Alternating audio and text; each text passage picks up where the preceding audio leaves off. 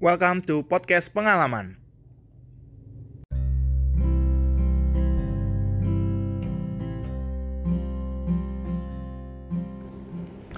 Halo semuanya, kali ini akan ngebahas overthinking. Mungkin sebagian besar dari kalian udah pada tahu itu apa overthinking.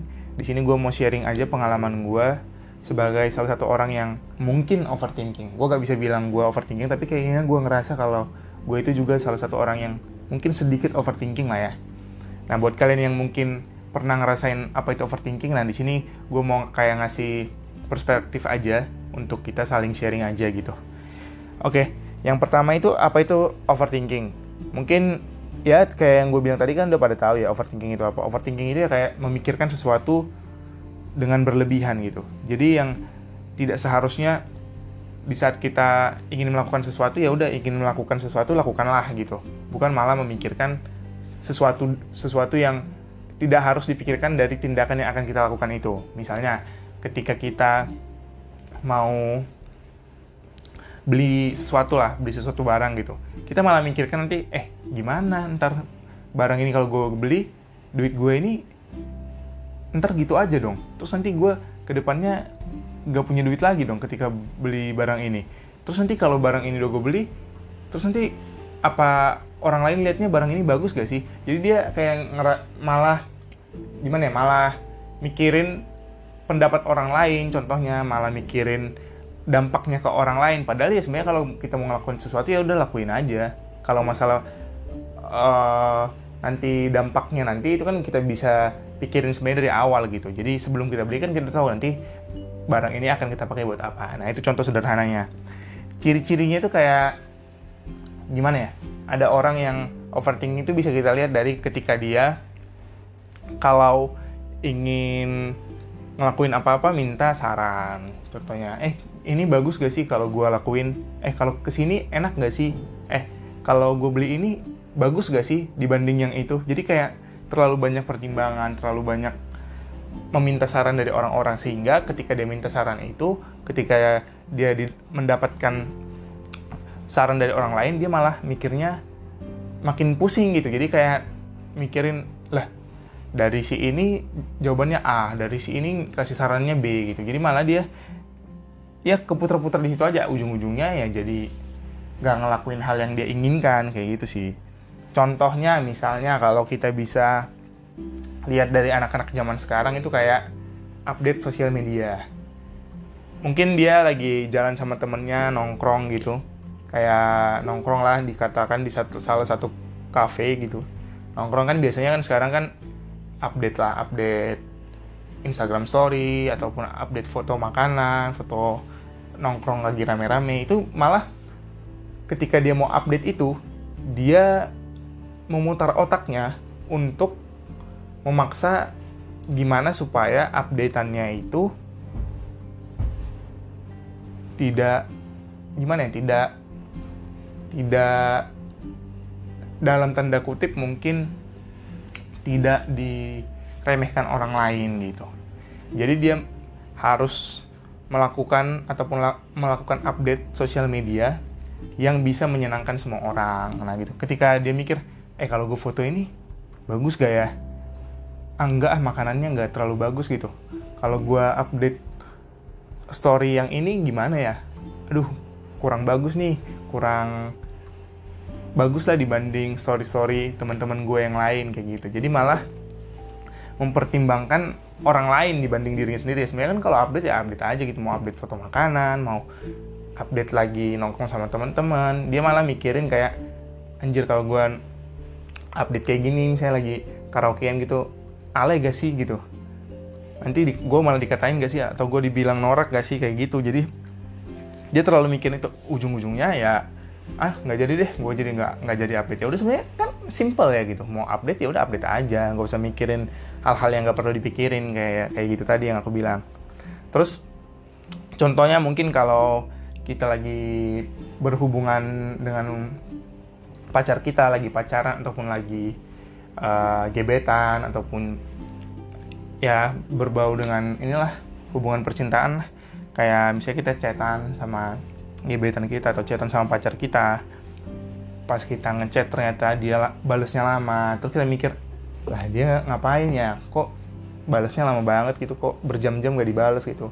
Terus kita mikirnya ah jangan-jangan dia udah ada gebetan lain gitu jangan-jangan dia selingkuh gitu jangan-jangan dia kayak udah mulai bosen sama kita kayak gitu. Jadi itu sih contoh-contoh yang paling sering kita bisa lihat lah sekarang. Dan hasilnya kayak ketika dia udah mulai gak nyaman dan mulai curiga ya itu tadi dia mulai nanya dong ke pasangannya eh lu ngapain aja? Kok chat gue dianggurin gitu berapa lama? Gitu. Terus ternyata pasangannya bales iya gue lagi sibuk nih ada kerjaan nih nggak bisa ditinggal gitu. Terus lama-lama karena berulang-berulang terus akhirnya pasangannya nggak nyaman dong. Akhirnya pasangannya mulai bilang kok lu kayak gini kok kayak gini kok gini bla bla bla. Akhirnya ya malah hubungannya jadi gak baik kayak gitu.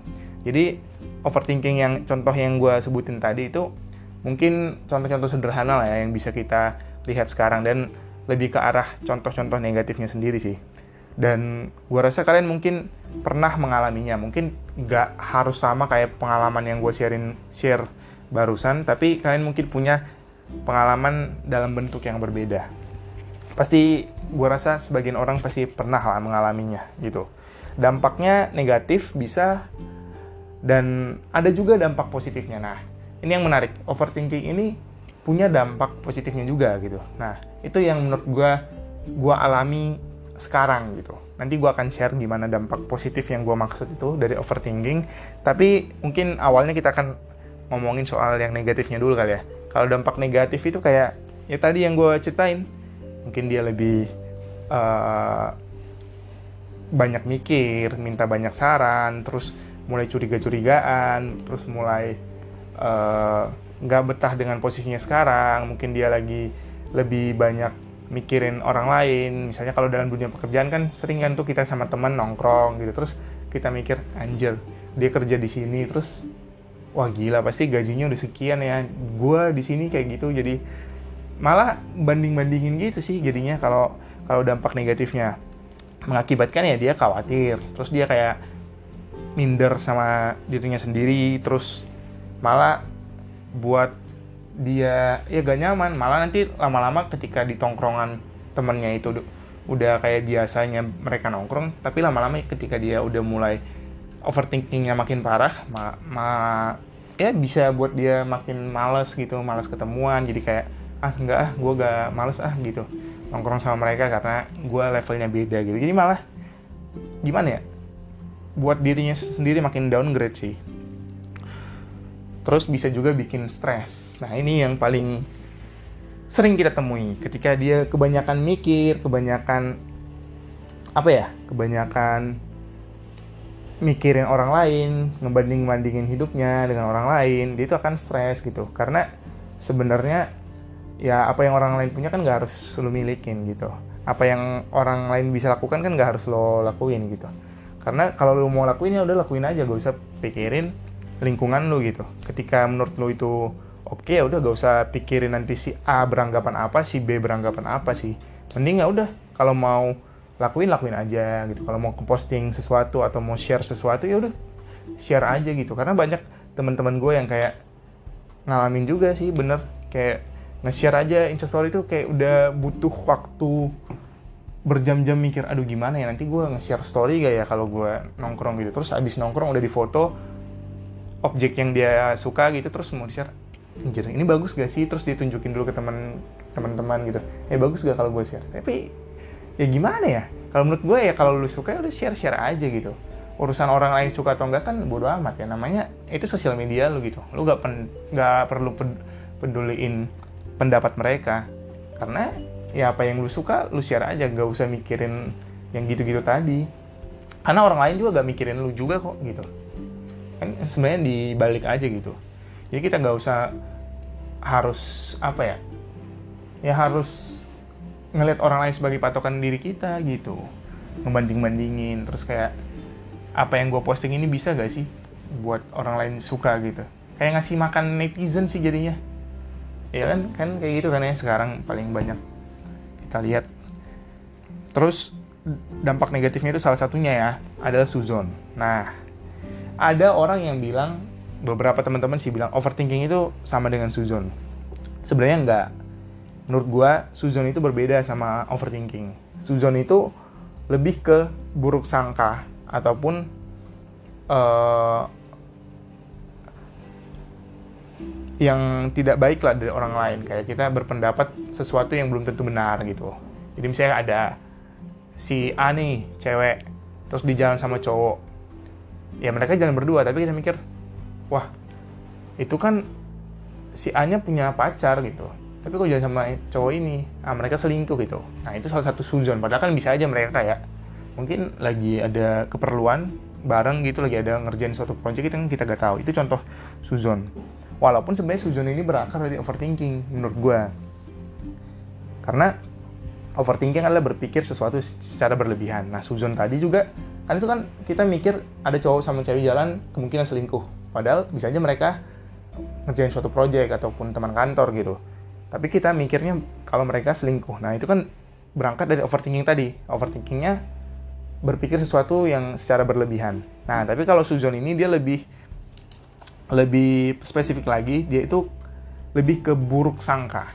Nah kenapa gue bilang beda sama overthinking tadi? Kalau overthinking tadi gue akan share nanti dampak positifnya. Sementara kalau Suzon menurut gue adalah sebuah aktivitas yang tidak baik karena buruk sangka. Namanya buruk sangka kayaknya nggak ada yang positifnya lah gitulah ya kalau menurut gue kalau orang berprasangka baik ya prasangka baik. Tapi kalau prasangka buruk ya suzon gitu. Namanya buruk gak ada yang baik kayak gitu. Nah banyak orang bilang kayak eh si ini kok sekarang udah gak pernah pergi-pergi ke sini lagi kok gak pernah nge-share share story lagi ya di sini. Ih jangan-jangan dia jatuh miskin ya ataupun jangan-jangan dia orang tuanya bangkrut ya. Nah itu kayak gitu-gitu kan itu bentuk suzon gitu karena kita berprasangka buruk. Padahal kan bisa aja ya emang mungkin dia lagi apa namanya vakum sosmed lagi sosmed det detox kan kita kan kan kita gak tahu gitu. Bisa aja emang lagi dia ngebatasin untuk posting-posting kayak gitu ataupun mungkin dia udah gak suka lagi ngeposting-ngeposting kayak gitu jadi itu yang sering kali kita bisa alami yaitu suzon itu sendiri gitu nah di sini gue akan share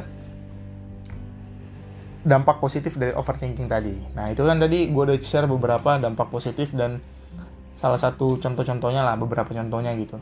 Di sini gue akan share juga dampak positifnya.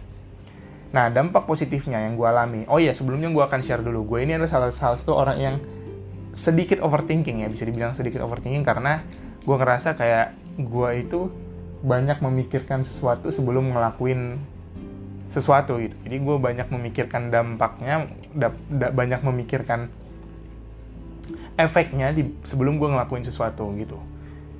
Bisa dibilang overthinking, bisa dibilang enggak juga sebenarnya. Tapi efek ini ngebuat gue menjadi seorang yang lebih positif gitu. Contoh dari overthinking positif itu yang pertama mungkin ketika gue mau mulai beraktivitas setelah weekend gitu, gue akan tahu apa-apa aja aktivitas yang akan gue lakuin selama satu minggu ke depan gitu. Misalnya kayak Sabtu malam atau Minggu malam sebelum gue tidur gue kayak ngebayangin gitu mungkin satu minggu ke depan gue akan ngapain ketika gue mungkin Senin gue free ataupun Selasa gue kerja pulang kerja gue akan nongkrong mungkin terus kalau Rabunya gue kerja terus malamnya gue akan mungkin main futsal terus taruh Kamis gue mungkin pulang kerja gue bisa istirahat di kosan terus kalau Jumat mungkin gue bisa kerja terus pulangnya lebih cepat dan akan nongkrong sama teman-teman gue karena itu udah mau weekend gitu. Jadi gue udah tahu dulu gitu rencana gue di selama satu minggu ke depannya. Emang se sebenarnya nggak selalu mutlak ya karena kan kita bisa aja dapat acara dadakan gitu. Tapi setidaknya gue tahu dalam satu minggu itu di hari-hari apa aja gue udah punya aktivitas. Sehingga ketika ada orang yang ngajakin gue untuk nongkrong ataupun pergi ataupun ikut acara di hari itu gue udah tahu oh di hari ini gue udah ada kegiatan ini nih jadi gue udah tahu dulu gitu. Ketika pun dengan hari Sabtu mungkin gue sekarang itu hari Sabtunya tetap kerja walaupun kerjanya itu work from home gitu gue bisa sambil beraktivitas. Misalnya gue kayak olahraga dulu pagi terus kerja terus sorenya mungkin gue bisa pergi sambil kerja juga terus hari minggunya gue gereja dan habis gereja gue udah tahu karena gue akan jalan sama cewek gue gitu untuk untuk biasa lah ngedate gitu. Jadi itu salah satu overthinking yang menurut gue positif. Jadi gue menjadi seseorang yang lebih terencana ya lebih lebih terjadwal gitu gak yang kayak besok gue nggak tahu mau ngapain tiba-tiba eh oh iya gue udah ada janji gitu. Eh tahunya besok diajakin pergi gue malah ninggalin kewajiban gue bekerja kayak gitu. Gue jadi seseorang yang lebih ya itu sih terencana. Terus kayak gue contohnya beli barang gitu. Kayak gue misalnya beli barang dan barangnya nggak murah gitu. Gue udah siapin waktu untuk nabung dan gue akan beli barang itu. Dan gue akan tahu barang ini akan gue pakai buat apa aja. Misalnya gue beli uh, sepatu deh gue sepatu gue suka sepatu. Gue nabung terus gue suka sepatunya oke okay, gue incer terus nanti setelah gue ada duit udah gue beli. Dan gue akan tahu itu pakainya buat kapan aja dan gue akan pakai sampai kapan dan mungkin gue akan pakai pas acara apa-apa aja gitu. Jadi gue udah tahu duluan gitu. Dan gue mungkin akan mikirin sepatu ini cocoknya pasangannya buat yang pakaian gue yang mana gitu. Jadi itu yang buat gue jadi lebih ini sih selektif sih kalau mau beli barang. Jadi gak kayak yang datang ke store atau datang ke toko terus lihat-lihat suka beli enggak gue gak kayak gitu. Gue lebih siapin dulu yang mana yang gue incar terus kalau oke okay, terus kalau kayaknya tingkat penggunaannya cukup sering baru gue beli. Tapi emang gue juga pernah juga sih kayak suka lihat barang terus beli. Pernah juga jadi gak menutup kemungkinan sih. Terus kalau gue mau liburan nah contohnya kalau gue mau liburan mungkin kalau sekarang kita nggak uh, bisa terlalu liburan ya karena ya ada wabah corona ini. Kalau gue liburan itu gue lebih suka yang udah siapin dari jauh-jauh hari. Incer dulu destinasi tujuannya siapin dananya dan atur waktunya gitu. Ketika udah oke okay, semuanya udah oke okay, baru kita siapin beli tiket terus atur destinasi ataupun itinerary-nya kita akan atur gitu. Setelah semuanya udah siap. Nah sebenarnya di tahun ini gue udah siapin nih satu destinasi utama liburan. Nah tapi karena mungkin wabah corona ini jadi sedikit terkendala gitu. Padahal ini udah gue incer dari tahun lalu gitu. Ya walaupun persiapannya udah matang dan dana yang terkumpulkan juga sudah ada harusnya sih rencananya pertengahan tahun ini berangkat. Tapi karena kendala ini mungkin dananya bisa gue simpan dan alokasikan buat yang lain ataupun mungkin buat gue tabung gitu. Karena ya zaman sekarang ya nabung itu penting banget lah ya. Gak, kita kerja itu gak cuma untuk ngehidupin kita selama satu bulan gitu. Kita kerja itu ya paling enggak kita bisa bayar semua kebutuhan kita dan kita bisa dapat hiburan juga. Kita bisa yang paling utama itu kita bisa nabung gitu. Dan kalau bicara tabungannya tabungan gue gak banyak sih tapi setiap bulan gue bisa lah ngisihin ya gak banyak tapi lumayan. Kalau dikumpul-kumpul setiap bulannya nanti bakal kerasa banyak lah gitu di akhirnya gitu. Terus jam nih. Kalau jam gue lebih kayak orang yang kita gue bukan orang yang tepat waktu banget ya. Jadi ini gue bukan bilang kalau gue itu orang yang on time banget enggak. Gue itu lebih ke orang yang kalau habis kita punya acara gue akan tahu acara ini selesai jam berapa. Dan setelah itu gue sempet gak ngelakuin hal ini. Atau gue gak sempet atau gue masih bisa gak ngelakuin suatu acara lain gitu jadi kayak misalnya gue pulang kerja gue pulang kerja jam 8 malam Nah, gue akan tahu tuh jam 8 malam misalnya ada yang ngajak gue nongkrong. Bisa gak gue ikut di acara nongkrong itu dan gue bisa menikmatinya sementara gue posisi baru pulang kerja di jam 8 malam gitu. Apakah gue masih bisa nyusul gitu? Jadi gue gak akan terima ajakan itu mentah-mentah gitu kayak, ya yuk oke okay, kuy gitu. Nggak kayak gitu. Gue mikir kalau gue jam 8, gue dari kantor berangkat ke tempat ketemuannya tempat nongkrongnya butuh waktu berapa menit atau berapa jam. Setelah ketemu di sana nanti gue bisa habisin waktu berapa lama. Terus habis itu besoknya gue harus kerja paginya gitu. Jadi kalau kalau menurut gue waktunya mepet gue akan tolak ajakan itu kayak gitu. Begitupun misalnya kayak kita mau ngedate gitu. Mau ngedate ya udah kita siapin jamnya. Misalnya kita mulai ngedate dari jam 7 malam mungkin jam setengah 7 malam mungkin tapi gue udah tahu hari itu akan ngapain aja. Jadi bukan tipikal yang ngedate yang random datang terus ke mall terus gak tahu ngapain makan terus eh kita ke mana? Enggak kalau gue itu lebih lebih terencana sih. Jadi kayak hari itu mau ngapain? Bah bahkan gue nanya dulu ke cewek gue gitu mau ngapain? Kayak mau makan gitu. Habis makan mau ngapain? Nongkrong misalnya di cafe ini mau ngopi. Oke ya udah. Saya jam jam 7 malam gue jalan kita makan dulu di tempat makan yang kita mau habis makan mungkin karena tempatnya mungkin kurang enak buat nongkrong kita cari kafe lain terus kita ngopi di situ sampai jam 10 malam mungkin terus habis itu pulang. Jadi satu malam itu dari jam 7 malam sampai jam 10 malam gue bisa ngabisin waktu di dua tempat yang berbeda. Jadi bukan yang kayak random aja gitu ke mall terus ngapain nih? Mau makan itu terus yang itu gak yang itu gak yang itu enggak kayak gitu. Terus misalnya kayak eh kita nonton yuk. Enggak kalau gue tipikal yang direncanain dulu baru eksekusi gitu. Enggak yang langsung jalan gitu. Ada kalanya sih kayak gak asik ya. Jadi kayak monoton terlalu terpaku gitu. Tapi gue menikmati jadi seorang yang seperti itu. Jadi kayak lebih enak aja sih. Jadi tahu aja gitu.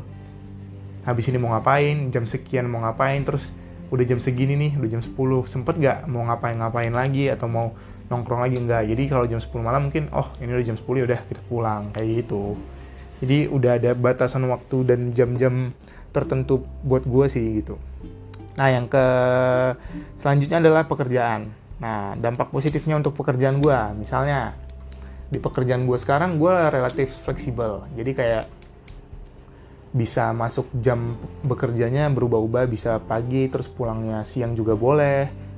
Silakan lanjut pekerjaan di luar gitu. Itu gak masalah begitu juga kalau misalnya weekend gue ada dapat jatah kerja di rumah sambil nyantai sambil nongkrong sambil pergi sama orang pun bisa gitu. Nah di satu sisi gue punya banyak waktu luang. Banyak teman-teman yang ngajak kayak eh Franz ikut ini dong organisasi ini kita yuk kita uh, inilah kita lagi butuh orang gitu butuh tim untuk ngebentuk sebuah sebuah apalah ya sebuah organisasi sebuah paguyuban itu. Tapi gue mikir kayaknya kalau gue ikut di situ apakah nanti pekerjaan gue yang utama sebagai seorang karyawan di perusahaan itu akan terganggu gitu? Gue langsung mikir ke situ. Jadi kayak walaupun mungkin organisasi yang akan dibangun itu gak, gak berdampak buruk sama gue tapi gue lebih ke cari cari ini sih lebih cari dan lebih ngebedah sih. Nanti kalau gue ngelakuin itu apa nanti kerjaan gue bisa ke, tetap ke handle ya? Apa nanti gue bisa tetap stabil ya gitu? Karena gue gak mau kalau uh, kegiatan yang akan gue mulai itu malah mengganggu kegiatan utama gue sebagai seorang karyawan gitu. Karena ya gimana pun ya kita cari duit dari pekerjaan itu kan. Misalnya kayak ngepodcast juga nih banyak orang yang beberapa yang ngajak ngepodcast gitu. Tapi kalau ngepodcastnya di jam-jam yang gak bisa gue akomodir gitu di jam-jam gue kerja karena gue juga kadang-kadang kerja baliknya malam gitu. Gue akan tolak walaupun mungkin ya itu waktunya jarang ada kesempatan untuk ngepodcast ya nggak apa-apa gitu. Karena menurut gue ya pekerjaan utama gue sebagai karyawan itu kalau nge-podcast mungkin hobi dan sembari ada waktu luang baru gue nge-podcast kayak gitu sih. Di samping itu juga kan banyak orang yang kayak mau ngajak. Ya itu tadi join di komunitas ataupun join di mana lah gitu terus minta minta tolong untuk nge-handle job-job kecil, project-project kecil gitu. Kalau gue lebih selektif sih. Ada sih yang gue terima, tapi kayak gue harus pastiin dulu kalau project itu gak akan ganggu gue gitu misalnya kayak ada kolaborasi apa gini dia butuh orang terus ngajakin gue gitu gue liat oh ini kayak dari pekerjaannya jam kerjanya kayaknya nggak akan menyita banyak waktu gue gitu nggak akan ngeganggu gue dalam bekerja gitu kayaknya boleh lah gitu. Tapi kalau emang gue udah gak nyaman ataupun gue mikir kayaknya 50-50 nih bisa gak ya bisa gak ya gue akan otomatis tolak sendiri sih. Ya mungkin itu dari teman gue sendiri tapi gue akan bilang enggak gitu. Karena ya gimana pun daripada gue terima terus nanti performa gue kurang baik malah membuat mereka kecewa dan tim kerja gue di kantor juga ke kecewa dan ngerasa gue mengalami penurunan ya lebih baik gak usah gitu. Karena kita harus tahu dong porsinya kita harus tahu dong uh, capability kita kita harus tahu dong kemampuan kita di mana gitu. Kita harus tahu batasan kita di mana. Jadi lebih baik katakan enggak dibanding hasilnya jadi setengah-setengah gitu. Kalau gue kayak gitu sih. Nah itu overthinking yang membuat gue jadi seorang yang lebih apa ya lebih terencana lebih tepat waktu dan sesuai target yang udah gue siapin. Begitupun kayak ngomongin target gue ada beberapa target lah di tahun ini dan tahun depan gitu. Jadi kayak gue akan tahu mungkin di, di pertengahan tahun gue akan pergi ke sini di pertengahan tahun akan gue mulai ngapain gitu. Gue udah ada beberapa timeline sih di tahun ini. Begitu juga buat aktivitas nge-podcast ini sendiri gitu. Jadi gue udah tahu habis di episode ini gue akan lanjutin di episode mana. Terus kemarin udah ada janjian sama teman buat ngebahas ini. Jadi kayak gue udah ngebuat listnya lah. Episode mana yang akan gue mulai kerjakan duluan gitu. Jadi gak kayak random-random aja ketemu itu enggak gue lebih yang kayak well prepare dulu lah gitu. Baru eksekusi gitu. Tapi gue juga adalah orang yang kadang-kadang mikir gitu. Kalau gue jadi orang yang lebih santai dan gak overthinking kayaknya lebih seru lagi sih. Mungkin ya. Gue gak tahu juga. Mungkin bagi kalian yang ngalamin kayak overthinking tadi gue gue mau bilang ya gak apa-apa kalau selama ini positif. Tapi ada baiknya ketika kita bisa menyeimbangkannya dengan sikap santai lah mungkin ya. Ada orang yang lebih santai gitu kayak ya udah jalanin aja dulu bro selalu gitu. Terus nanti lihat di sana deh. Nanti kalau bisa dikerjain. Terus nanti kalau ada tawaran oke okay, sikat gitu kadang-kadang gue mikir enak juga ya jadi orang kayak gitu. Tapi kayaknya untuk sekarang nggak bisa sih. Kalau gue masih belum bisa meninggalkan sikap gue yang sedikit overthinking tadi gitu. Walaupun mungkin gue ngiri lihat teman-teman yang wah gila bisa ya? Bisa ya ternyata dia tetap ngerjain ini. Terus ternyata bi bisa aja ya walaupun dia udah kerja di sini tapi dia masih bisa ikut join ini gitu.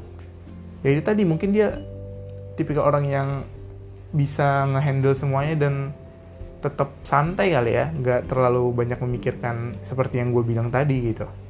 Di satu sisi sih kayaknya seru juga jadi orang-orang seperti mereka gitu. Tapi kayaknya kalau gue yang jadi mereka mungkin gue gak bisa sih ya. Ya itu tadi gue bilang setiap orang itu beda-beda. Ada yang sikapnya santai ada yang kayak gak ada beban gitu bisa ngelakuin semua hal gitu dan semuanya bisa selesai dengan baik gitu. Ada juga orang yang kayak gue dan mungkin bahkan yang lebih parah dari gue mungkin lebih kayak strict aja gitu. Ya udah aktivitas gue ini aja ini. Yang gue mau lakuin A B C D E ya udah eh, F G sampai Z gue gak akan lakuin apa-apa gitu. Jadi gue hanya terpaku sama aktivitas ini. Ada juga orang yang seperti itu tapi gue bukan seperti itu. Gue lebih kayak ya sedikit overthinking sih gue bilang dan lebih fleksibel sih.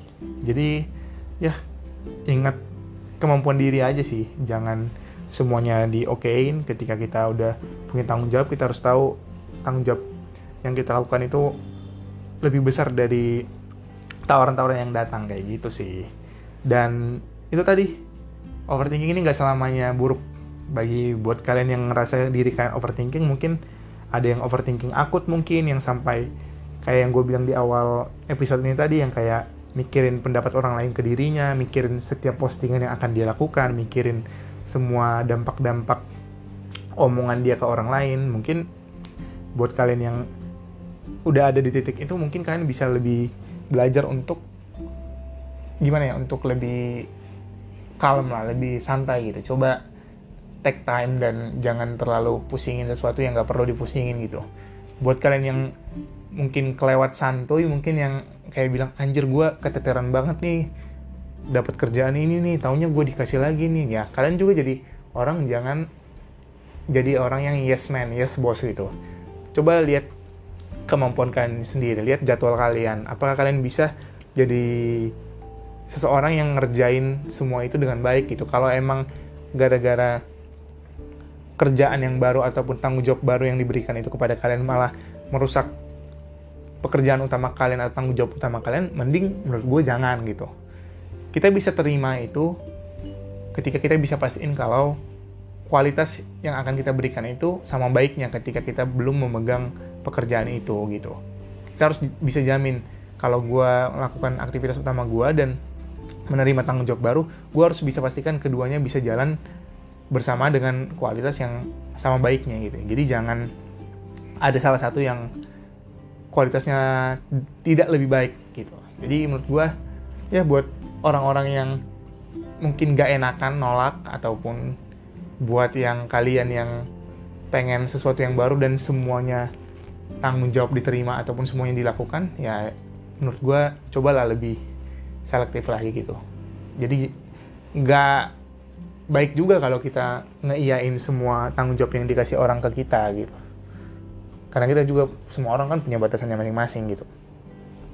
Gitu sih mungkin nanti lanjutan podcast ini akan gue bahas soal gak enakan ya jadi kayak banyak juga orang yang ngalami posisi gak enakan gitu kalau ada ditawarin sesuatu ditawarin kerjaan dikasih kerjaan gak enak nolak gitu ini agak ber, berkesinambungan sih dengan topik itu.